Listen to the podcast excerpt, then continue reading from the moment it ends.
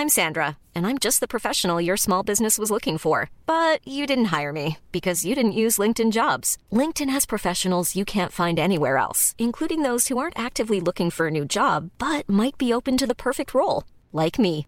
In a given month, over 70% of LinkedIn users don't visit other leading job sites. So if you're not looking on LinkedIn, you'll miss out on great candidates like Sandra. Start hiring professionals like a professional. Post your free job on linkedin.com/people today. Burrow's furniture is built for the way you live. From ensuring easy assembly and disassembly to honoring highly requested new colors for their award-winning seating, they always have their customers in mind. Their modular seating is made out of durable materials to last and grow with you. And with Burrow, you always get fast, free shipping. Get up to 60% off during Burrow's Memorial Day sale at burrow.com slash ACAST. That's burrow.com slash ACAST. burrow.com slash ACAST. Many of us have those stubborn pounds that seem impossible to lose, no matter how good we eat or how hard we work out. My solution is PlushCare. PlushCare is a leading telehealth provider with doctors who are there for you day and night to partner with you in your weight loss journey. They can prescribe FDA-approved weight loss medications like Wagovi and Zepbound for those who qualify. Plus, they accept most insurance plans. To get started, visit plushcare.com slash weight loss. That's plushcare.com slash weight loss. Et år på bibelskole, et liv med substans. Bibelskole Substans ligger i Bergen, tett på folk og fjell. Vi løfter fram etterfølgelsen av Jesus, Bibelen, framtiden, menighet, samfunnsliv og ikke minst ledelse, fordi vi tror på alle menneskers potensial til å påvirke og lede i sin hverdag. Et år på bibelskole, et liv med substans. Sjekk ut mer på substans.co, eller søk oss opp på Facebook. Bibelskolen Substans. Single kvinner i kristne miljø, østeuropeisk kamp mot islamisering og mødre viser vei etter IS.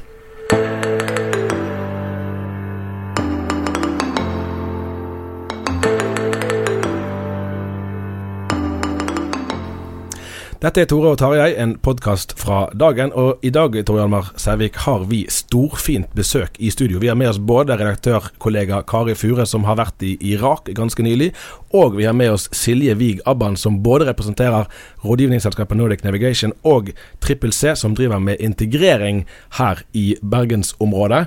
Og da betyr det at Silje og Kari langt på vei har møtt noen av de samme menneskene fra Midtøsten, men på ulike steder. Men først, Silje. På lørdag som var nå, så hadde du i Frisparkspalten her i avisen en tekst om single kvinner i kristne miljø. Tor Hjalmar og meg, det var jo en tid i livet vårt der vi syntes det kanskje var litt få single kvinner i kristne miljø. Den problemstillingen er ikke lenger aktuell, men du skrev litt om hvordan denne gruppen blir møtt. Si litt mer om det. Ja, altså eh, Bakgrunnen for det frisparket var at jeg over lengre tid hadde gjort noen observasjoner at nesten uansett hvor jeg kom i kristne sammenhenger, så var det mange flere kvinner enn menn. Og så, og så kom jeg over noe forskning, ganske ny forskning fra Storbritannia som, som bekrefter de antagelsene jeg hadde, men da i en engelsk eller en storbritansk kontekst. Som viser det at i gjennomsnittlig så er det ca. 60% kvinner, 40% menn i menighetene. Og så er det jo sånn at I de fleste kristne miljøer så er det et veldig sterkt ideal om å være um, sammen i et ekteskap. Gjerne ha et par barn, altså den litt sånn tradisjonelle kjernefamilien. Uh, og da oppstår det en spenning når det er et sterkt ideal og et sterkt ønske, men forutsetningene er ikke der for veldig mange til å kunne gjøre det. da. Og det vi ser, er, og så har jeg fått ganske mye tilbakemeldinger på etter den, mm. etter den, den, det frisparket, er at uh, det ikke snakkes mye om. Det snakkes sjelden om fra talerstoler. Det snakkes sjelden om uh, i vanlige relasjoner.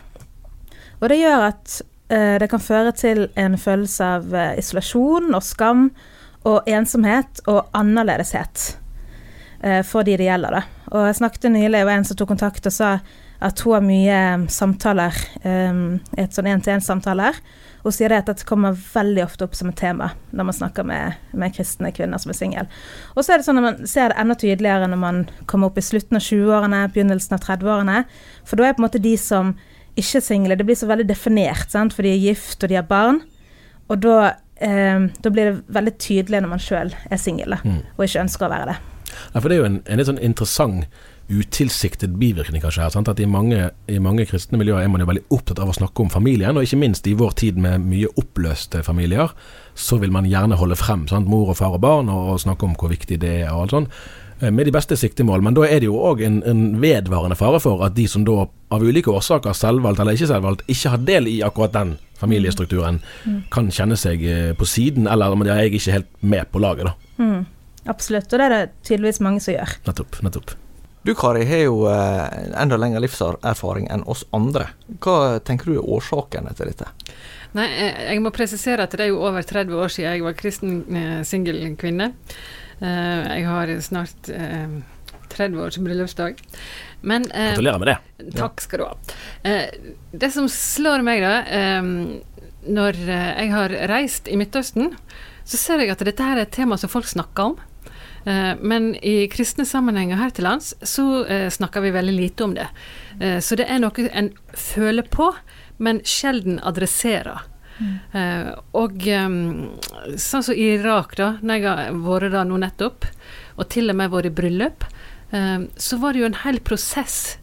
det for han brudgommen å finne seg ei som han kunne gifte seg med. Uh, og de diskuterte forskjellige kandidater. De snakka på en måte helt åpent om det. Og, mm. og, hun kan passe sånn og sånn, og hun kan passe sånn og sånn. Og så begynner de forsiktig å date. Og det, altså det hele kulturen er annerledes fordi de snakker om det, og fordi at det er helt greit. Nei, det gikk ikke så bra. Ja ja. Det er jo noen som har sammenligna tradisjonell østlig kultur med moderne vestlig kultur, og sagt at eh, Eh, et ekteskap i moderne vestlig kultur. Det starta med ei, panne, hvis du skal bruke et bilde fra, fra kjøkkenet. da, Ei panne som, eh, som, er på kok, og så tar du den av panna, og da er liksom ekteskapet begynt. Medan i Austen så setter du ei panne med kaldt vann på eh, plata da, eh, når ekteskapet begynner. Eh, at, den, at en ikke har måtte, Følelsene vokser litt mer fram etter hvert. Mm. Eh, Men jeg lurer på likevel, altså, for litt parallelt da med at, at folk som er Eh, folk som er velstående, kan jo kanskje oppleve det plagsomt i kirkesammenheng, kanskje særlig da i frikirkesammenheng noen ganger, at man er interessant fordi man er rik, og dermed kan man jo gi tiende og vel så det, og kan bidra masse til menigheten, og så blir man en sånn nyttig, nyttig person, men egentlig ikke uh, mer enn det. Uh, og, og, at single, kanskje kvinner mer enn menn, kan oppleve at hvis ikke de kan imøtekomme denne ektefelle- og morsrollen, så så de, da lever de ikke helt fullverdige liv. Altså at de At det ikke er nyttig? på Ja, at, at, damer må ha mann og barn for å være ordentlige damer. Mm. Og at det kan være ganske både, både sårt, virkelig mm. sårt, og samtidig òg ganske irrasjonelt. fordi at sånn er det jo for både menn og kvinner, at hvis man er ugift, så har man jo virkelig andre muligheter til å kunne hjelpe andre mennesker på ulike mm. måter enn man har når man har egne forpliktelser. Men, men så tror jeg kanskje også en del single opplever at uh, du er jo singel, så du kan kanskje strekke deg litt mer. Mm. Enten ja, det er på jobb ja. eller det er menighet, eller, for du har sikkert tid og overskudd. Mm. Uh, og det kan jo være en utfordring, tror jeg, for en del. Absolutt. Og så tror jeg single uh, får på en måte en forklaringsbyrde. Sant? At de må forklare hvorfor de ikke er gift, gjerne. Altså, øh, og det er jo sånne, sånne spørsmål sånn Ja, skal ikke du finne deg noen snart, sant? når du er hjemme på juleferie, eller og så, og så, legges det til på en måte kanskje den skammen man kjenner sjøl på, det, for at ikke man har funnet noen. Og problemet er at det er ingen likeverd... Altså, i, i menighetens øyne så er det ingenting som er likeverdig til et ekteskap. Sånn, sånn, alle andre strategier man velger å liksom embrace, omfavne singelheten sin, eller om man velger å gifte seg med en som ikke er kristen, så er, er på en måte alle andre løsninger sånn nest best. Eh, og, det, og, dette er et livsvalg, sant? så det varer lenge. eh, og det er vanskelig å leve i den spenningen, da. Og det ser vi jo fra den undersøkelsen at veldig mange, eller egentlig nesten alle damene som de spør, sier at egentlig skulle gjerne vært gift med en som er kristen. Men når det ser ut som ikke skjer, så gjør jeg ditt og datt, og så håndterer man det på ulike måter. Kan dette også ha med hva rolle kvinner kan gå inn i i menighetene? Jeg har jo lyst til å trekke linje til eh, Midtøsten igjen. For jeg, mm. jeg er fascinert av nonne. Ikke at jeg tenker at eh, kristne kvinner her skal bli nonne, men de har på en måte definert en veldig sterk kvinnerolle, der de kan gå inn og få mm. høy utdanning og eh, veldig viktige posisjoner og bidra på svært eh, med stor kraft i sine lokalsamfunn, og mm. de blir sett opp til og beundra. Mm. Eh, men vi har ikke noe tilsvarende her. Det er et spennende innspill. Ja, og det, det er også blitt eh, nevnt fra eh, oldkirka, eller ja, tidlig kirkas historie, da, at, at du hadde det enkeembetet som var egentlig ganske eh, Ja, som medførte en god del ansvar for mm. kvinner. da. Eh, men, men, vi har jo også en sterk tradisjon for, ikke minst i misjonsbevegelsene, at det er kvinnene som har skapt dem i mm. vår del verden. Så det, det er jo eh, vært ganske mange kvinner som har hatt viktige roller. Mm. Eh, hva jeg si, Selvsagt er morsrolla veldig viktig, men det er også mange andre eh, roller som en kan ha. Mm. Men, men, eh, det kan jo være at vi ikke er nok oppmerksomme på det. Mm. Og så påvirker det egentlig alle unge i en menighet. Altså nå, nå, har jeg snakket spesielt om single kvinner. Men det påvirker òg hele datingkulturen. For det blir altså Hvis du tenker litt sånn markedstermer, så er det veldig forskjell på etterspørsel og etterspørsel og tilbud. Og det gjør jo det gjør jo at guttene kommer i en eh, posisjon der eh, de får flere å velge mellom, og det er ikke alltid så sunt, det heller. Altså Da jeg var ung og gikk i kor, så snakket vi om kristne gutters eh, problem. Og det var jo i disse korene så var det få gutter, og de fikk altfor mye oppmerksomhet. Eh, Nettopp. I forhold til det, det, det restaurerte sosiologi. To gutter og åtte jenter klokken. Guttene ble hørt veldig mye på. De fikk veldig høye tanker om seg sjøl, noe vi uh, jenter syns av og til kunne være litt uh, uspiselig. Det var ganske urettferdig, det der. Ja. ja, ja. Men når du måtte sammenligne det du observerer nå, når du sjøl er, er, gift og er en annen generasjon enn det du var måte, for si ti år siden. Da. Mm. Eh, er det andre perspektiv du ser nå når du har et annet utgangspunkt sjøl? Altså som gift? Ja, altså når du ser på, på måte, det å være ung kvinne i dag. Altså, hvordan tenker du om det i lys av, av din egen erfaring? Ja, altså um, Det som jeg kanskje syns var litt oppsiktsvekkende sjøl, som jeg ikke kjente meg så mye igjen i fra den tiden jeg sjøl var singel, det er at det virker som det er et veldig stort fokus nå på eh, dette med å være tiltrekkende fysisk. Eh, mange av de kvinnene i undersøkelsen snakker om at uh, guttene nå de får så mye oppmerksomhet at nå ser de bare etter supermodeller. Uh, og, og, den indikerte òg at 50% av guttene er etter de samme 8% av jentene i menigheten. Og det er jo gjerne de som har en spesiell personlighet og et spesielt utseende. Og jentene snakker om um, at de gjerne går på kompromiss med egne grenser, eh, fysisk og seksuelt, for å være tiltrekkende for kristne gutter. Um, og det, det tenker jeg at sånn kan man jo Sånn ønsker man jo selvfølgelig ikke å ha det. Og hvis det er sånn i norsk eh, sammenheng òg, så er det noe som trengs å ta tak i. Men eh, på, det svar, på, det du spør om, så kan jeg ikke huske at det har vært så fokus på utseendet fra, fra ti år tilbake. Men det kan, være mine, det kan jo være min lille verden òg. Men har du sett noen løsninger? Ja, um, altså jeg tenker jo at uh, et problem er at um, guttene, kommer, guttene ikke kommer inn.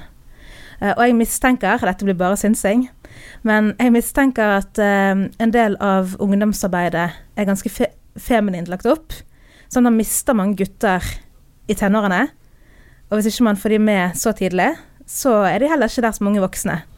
Så eh, det kan jo være at man må rett og slett begynne å tenke rekruttering. Eh, passe på at det blir likevekt fra en mye tidligere stadium. Sånn at man kommer til eh, et, en tid der man gifter seg, så er det like mange. Og så er det vel også et uh, poeng at eh, altså Bibelen forteller oss kanskje mye mer om eh, dette her enn det vi noen ganger tenker over, når det gjelder både eh, rolle og ekteskap og, og hvordan måtte, eh, vi omgås hverandre. Da. At, eh, at, det er også noe med de som driver med har ansvar for forkynnelse og veiledning og sånn, mm. må ta inn over seg eh, mm. i møte med en kultur der en blir påvirka veldig mye i andre retninger fra eh, populærkultur osv. Ok, Noe av grunnen for at vi har dere to eh, sammen i studio i dag, er jo at dere begge to har et forhold til Midtøsten på forskjellige plan. Eh, vi markerte jo, Kari, for kort tid siden at det var fem år siden IS eh, tok eh, Mosul. Eh, nå har det jo heldigvis må vi kunne si, skjedd forandringer der. Du var nettopp tilbake i, eh, i Kurdistan i Irak. og vi skal snakke litt om mødrene sin rolle som samfunnsbyggere der. Og de, Du møter jo, Silje, noen av, av, de mødrene her hjemme. Eh, for der er jo virkelig kjønnsrollemønsteret, tenker vi i hvert fall, et annet enn det vi ser her hjemme. Hva observerer du, Kari, av, av mødrenes eh, betydning der, som du biter deg merke i, da, sett med norske øyne? Uh, nei, til å begynne med, altså IS tok Mosul 10.6 i 2014 og drev store menneskemasser på flukt.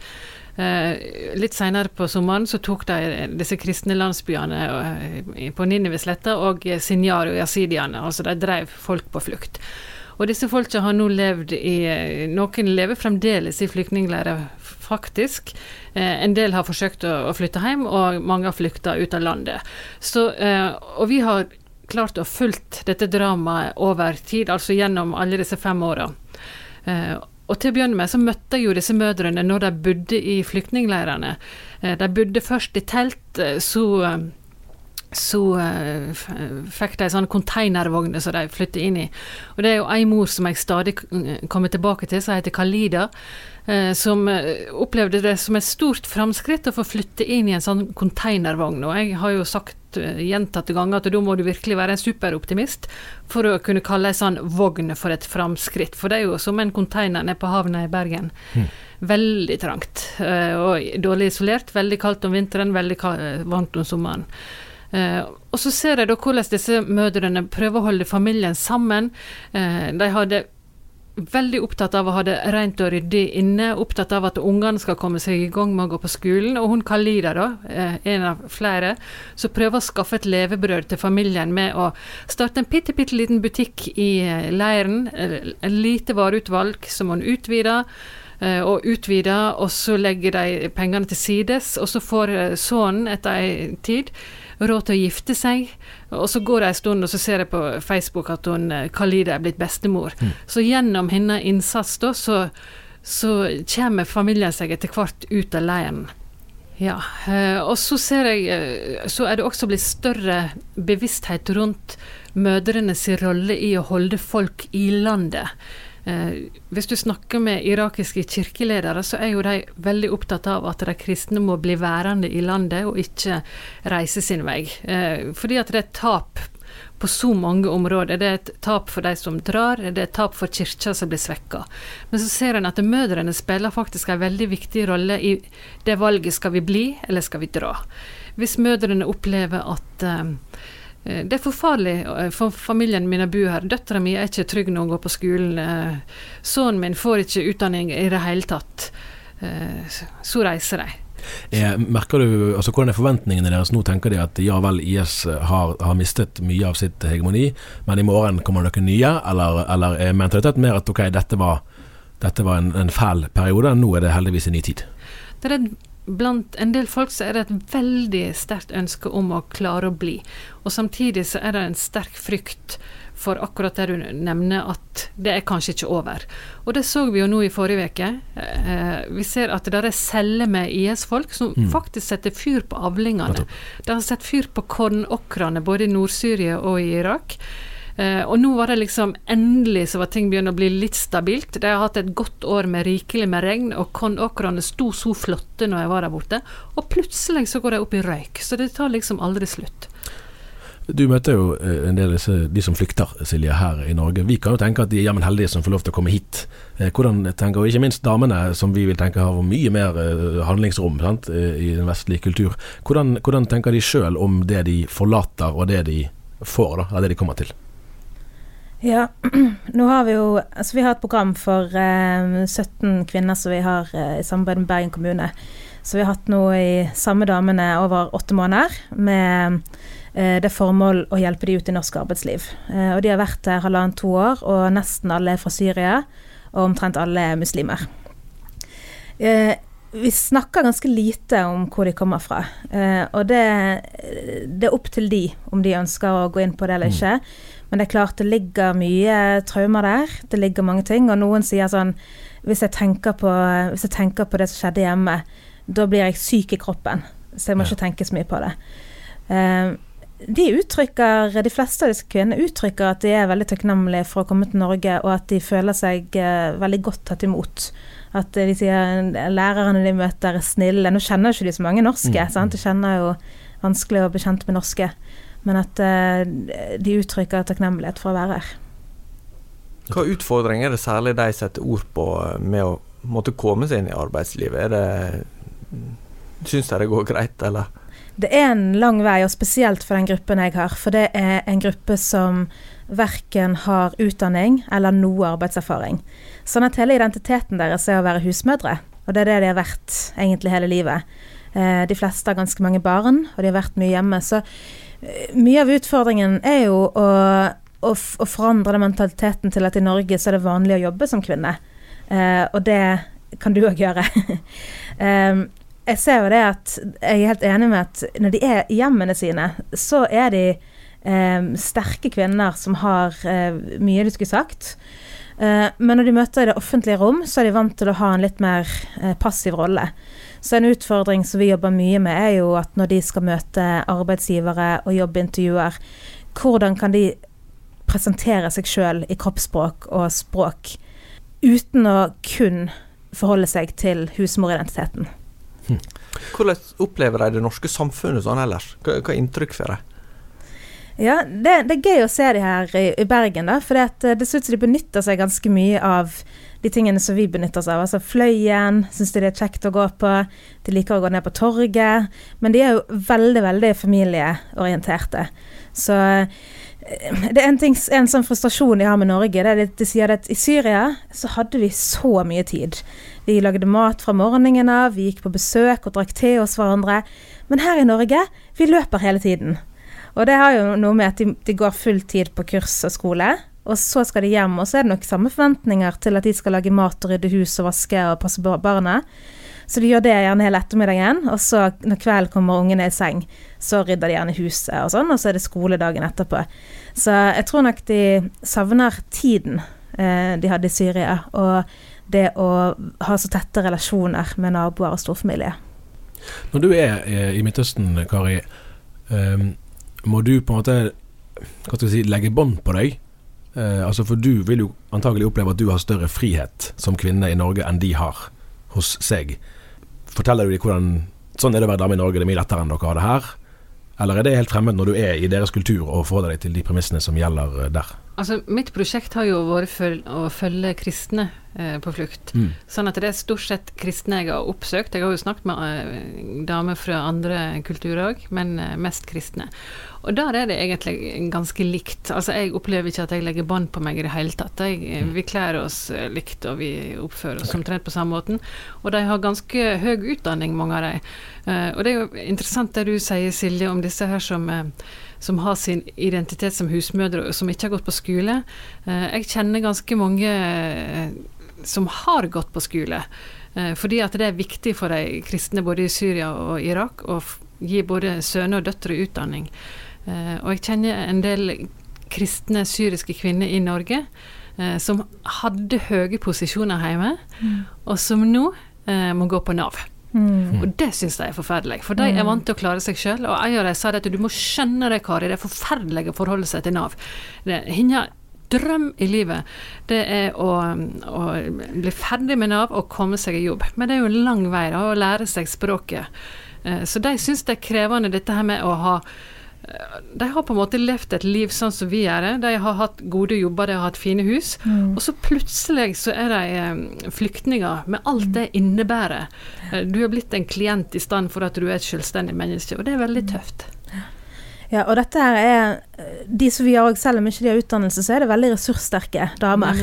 Veldig ressurssterke, og vi tenker jo ofte på det som en litt sånn kanskje litt sånn stakkarslig masse, sant? men så er det så mye personligheter, så mye humor, så mye styrke eh, som kommer fram. Og det som jeg jo kanskje skulle ønske litt mer i Norge, er at man hadde hatt en litt høyere toleranse for litt dårligere språk. Sant? For det at mm, eh, vi ser, eh, ser, at det er vanskelig å få eh, praksisplasser eh, fordi at de mener at språknivået ikke er godt nok. Og det er jo ikke alltid så godt. Men det er òg noe med at det er vanvittig mye læring i å være på en arbeidsplass og lære språk. Mm. Så um, det, det, det, det, tror jeg hadde gjort at vi hadde hjulpet mange flere ut i arbeidslivet. Hvis det hadde hatt litt mer toleranse for litt mer aksenter, litt dårligere språk. Spennende utfordring. En av de tingene du fortalte, Karin, når du kom hjem igjen fra Irak nå sist, var at du hadde vært med på en Det var vel en kirkeinnvielse. Ja. Og noe av det som overrasket, var jo da hvem som hadde betalt for den kirken her. Ja, endelig godt nytt fra Irak. De hadde bygd en splitter ny kirke, og dette var jo ikke den eneste som var bygd heller de siste åra. De har bygd opptil flere. Den kirka her, den var eh, finansiert eh, mer eller mindre av penger fra Ungarn, fra den ungarske stat. Og på den kirkeinnvielsen da, så var eh, en skikkelig folkefest. Hele landsbyen var på beina. Eh, jeg lurer på om det var 14 biskoper og patriarken, så det kunne ikke bli bedre. Pluss en statssekretær fra Ungarn. Og han hadde ting på hjertet. Han hadde definitivt ting på hjertet når han eh, bar fram sin hilsen fra Viktor Orban. Um, han forsikra om at selv om alle andre land vender dere ryggen, og når han sa dere, det var altså til de kristne i Irak, så skal de være trygge på én ting, og det er at Ungarn alltid står med dere. Og han viste til Ungarn sin uh, historie, der de hadde vært under muslimsk ottomansk uh, styre. Uh, vi, har, vi, har, en felles uh, historie med muslimsk undertrykkelse, sa han. Og han nevnte også kommunistisk uh, undertrykkelse. Da. Og Derfor så skjønner vi hva det går igjennom, og derfor er det så viktig for oss å hjelpe dere. og så uttrykte han en veldig skuffelse over det han formulerte som tidligere kristne europeiske mm. land som ikke ilte til med hjelp. Veldig skuffa over dem. Og så sa han også noe som jeg syns var interessant. Han sa at vi syns ikke at det å forlate heimene sine er en løsning på noen av verdens problem. Eh, men vi vil hjelpe dere til å leve gode og framgangsrike liv der de er. Altså, vi vil hjelpe dem der de er. Vi vil ikke at de skal komme som flyktninger til oss. Kjente takter der. Altså, det er jo fascinerende. Når, når EU skulle lage sin eh, grunnlovstraktat, nå jeg glemt hva den korrekte betegnelsen var, for ikke så veldig mange år siden, så var det jo Det ble jo helt umulig for etter hvert å ha noe som helst referanse til Europas kristne historie sant, med i, i den. Men så er det da Ungarn som her uh, fremstår som den kristne kulturens uttalte, som virkelig ønsker å bruke den som et politisk eh, verktøy i, i, et land som Irak. Det er jo eh, litt sånn kanskje tidstypisk nå, da, i, i nær historie, men som er ganske overraskende for eh, relativt få år siden. Jeg var jo for en del eh, år siden i eh, Ungarn i eh, det som lenge var Europas nordligste minaret, altså islamske bønnetårn, mm, mm. som står vel fra 1600-tallet, tror jeg. Så, sånn at det der er jo noe symbolsk ja. som er veldig viktig der. Men så er er det jo tydelig, du husker fra en uh, undersøkelse som vi skrev om i høst, var det vel, fra Pure Research Center i USA, så har du kartlagt holdninger i Øst-Europa, Vest-Europa. Nå vil jo ungarerne gjerne si at de er sentraleuropeere, for det ligger jo ikke lenger øst enn uh, altså, ja, ja, ja. Så det er jo et viktig poeng. Det, det, er jo gjerne den ortodokse delen av Europa som blir regna som Øst-Europa fra deres perspektiv. Da. Men men da da eh, var det veldig tydelig at forskjellige holdninger i verdispørsmål er ganske ulike fra Øst-Europa og Vest-Europa. Vest-Europa er betydelig mer sekularisert eh, i betydning verdiliberalt relativistisk. Eh, og kristendommen som kulturbærer er også noe som står mye sterkere i, i, tidligere kommunistiske land. da. Uh, uavhengig litt av om folk har uh, personlig overbevisning eller ikke. Det er jo litt sånn interessant for, for, altså med norsk historie sant, å, å følge fenomenet Viktor Orban. fordi at vi, spesielt i norsk lavkirkelighet, så er vi vant med å se etter det indre troslivet, og ikke kun se på det nominelle, om du kommer fra det landet, om du har medlemskap her eller der. Eh, og, han, og, han, er jo mest vel en som fremstår som en kulturkjemper, mer enn en som altså Han er ikke noen typisk evangelist, akkurat. Eh, du har Torian, har lest litt om, eh, om, det som vi har skrevet om eh, livs, tros- og livssynspolitikk fra regjeringen nå i det siste. For der går jo faktisk en bro her til, til Eh, religionens plass òg i Norge, da, i det sekulære, mer og mer sekulære samfunnet som vi lever i, og der, der Orban er en tydelig markør da, på en fløy i det, i det spekteret der. Ja, nå kommer jo regjeringa denne vika med sin lenge forvent, eller lenge eh, avventa forslag til trus- og livssynssamfunnslov. Eh, og eh, et av eh, poengene som er blitt viktig for KrF særlig der, det er jo de som har fått ansvar for det etter at de kom inn i regjering nå over nyttår. Det er jo at vi ønsker et livssynsåpent og ikke et livssynsnøytralt samfunn. Og dermed at en vil se på kirke og andre eh, trossamfunn som eh, konstruktive bidragsytere i utgangspunktet i samfunnet. Og, og, det er jo også en spenning som en ser i flere europeiske land. Nå så jeg nettopp eh, fra Storbritannia et eh, forslag som eh, den evangeliske alliansen der hadde engasjert seg imot fra regjeringa, som de mente kunne gå i retning av overvåkning av aktiviteter utenom skoletid mm. eh, i måte, religions, eller religiøse samfunn sin regi. da. Eh, sånn at det der er jo en tror jeg ei, utfordring der knyttet til at med, med det med trusliv, hvis det blir fjernet fra en større andel av befolkninga, så blir det også kanskje mer mistenkeliggjort. Mm. Uh, og, og um, der er det nok mange debatter som, som uh, bare så vidt er begynt, tror jeg, i vår del av verden. De damene du møter, Silje, hvordan, eller sier de noe om hvorvidt de syns det er rart at, uh, at, religion ikke er mer fremtredende i norsk samfunnsliv, eller er de egentlig glad til, kanskje, for å slippe unna? Um, de snakker lite om religion i det hele tatt. Ja. Både sin egen og vår. Og jeg vet ikke om det er fordi at de føler det er utenfor en skolekontekst ja. å snakke om. Uh, eller om det ikke er så viktig i deres mm. liv uh, og i norsk sammenheng. Hva merker du der, Kari? Hvordan påvirker altså Når du har med deg igjen ditt norske tankesett? Eh, og så møter du mennesker i en annen del av verden der, der, religion har en annen betydning og en annen historie enn vi har her. Hva slags uh, inntrykk uh, får du med deg der? Altså, uh, På den siste turen da, nå så traff jeg mange kristne asyrere. Og der er jo den religiøse identiteten og den nasjonale eller etniske identiteten veldig tett sammenvevd. Altså, asyrere er kristne. Punktum. Det er sånn det er. Eh, så kirka er jo eh, en av få samlende, en av få ting som samler hele folket. Mm. Pluss den historien de har med at vi var i dette, land, i dette landområdet veldig tidlig. De fører jo historia si egentlig helt tilbake til Abraham. ikke sant? Men Skiller de på noen måte mellom altså som, vi, vi, vi, har jo begrepet personlig kristen i Norge, det er jo ikke ja. så veldig vanlig internasjonalt. Men, men, skiller de mellom troslivet sitt og tilhørigheten sin? Altså det som uh, vi er jo vant til å snakke om de kristne i Midtøsten, ikke mm. sant? og jeg har jo virkelig lært meg at det er jo en broket forsamling. Mm. Uh, noen har et noen er veldig overbevist kristne, altså selve trua betyr mye for dem. Andre er mer sånn Eh, politiske kristne. Altså, de er, de er, kristne fordi de er asyrere, men de har ikke noe sånn særlig forhold til tru. Men jeg tenkte litt på det i forlengelse av, eh, eller kjølvannet av 17. mai.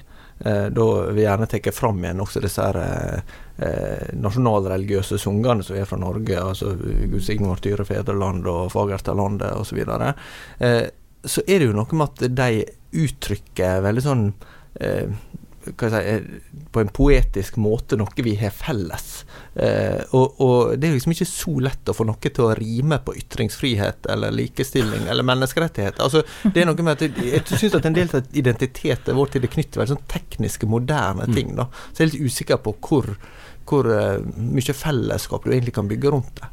Det var bra. Jeg tror vi sier at det var en poetisk eh, avslutning på dagens eh, samtale. Takk skal dere ha, Silje Vig Abban og Kari Fure, for eh, besøket. Tror Hjalmar vi er på plass igjen neste uke.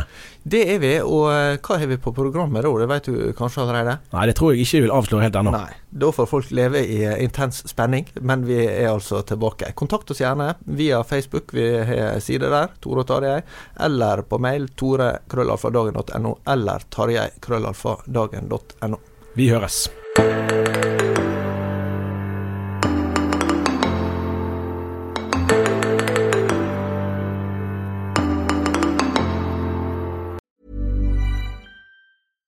Cool fact a crocodile can't stick out its tongue. Also, you can get health insurance for a month or just under a year in some states. United Healthcare short term insurance plans, underwritten by Golden Rule Insurance Company, offer flexible, budget friendly coverage for you. Learn more at uh1.com. Hi, I'm Daniel, founder of Pretty Litter. Did you know cats tend to hide symptoms of sickness and pain? I learned this the hard way after losing my cat, Gingy. So I created Pretty Litter, a health monitoring litter that helps detect early signs of illness by changing colors, saving you money and potentially your cat's life. Pretty Litter is veterinarian developed, and it's the easiest way to keep tabs on your fur baby's health right at home. Go to prettylitter.com and use code ACAST for 20% off your first order and a free cat toy. Terms and conditions apply. See site for details. Even when we're on a budget, we still deserve nice things.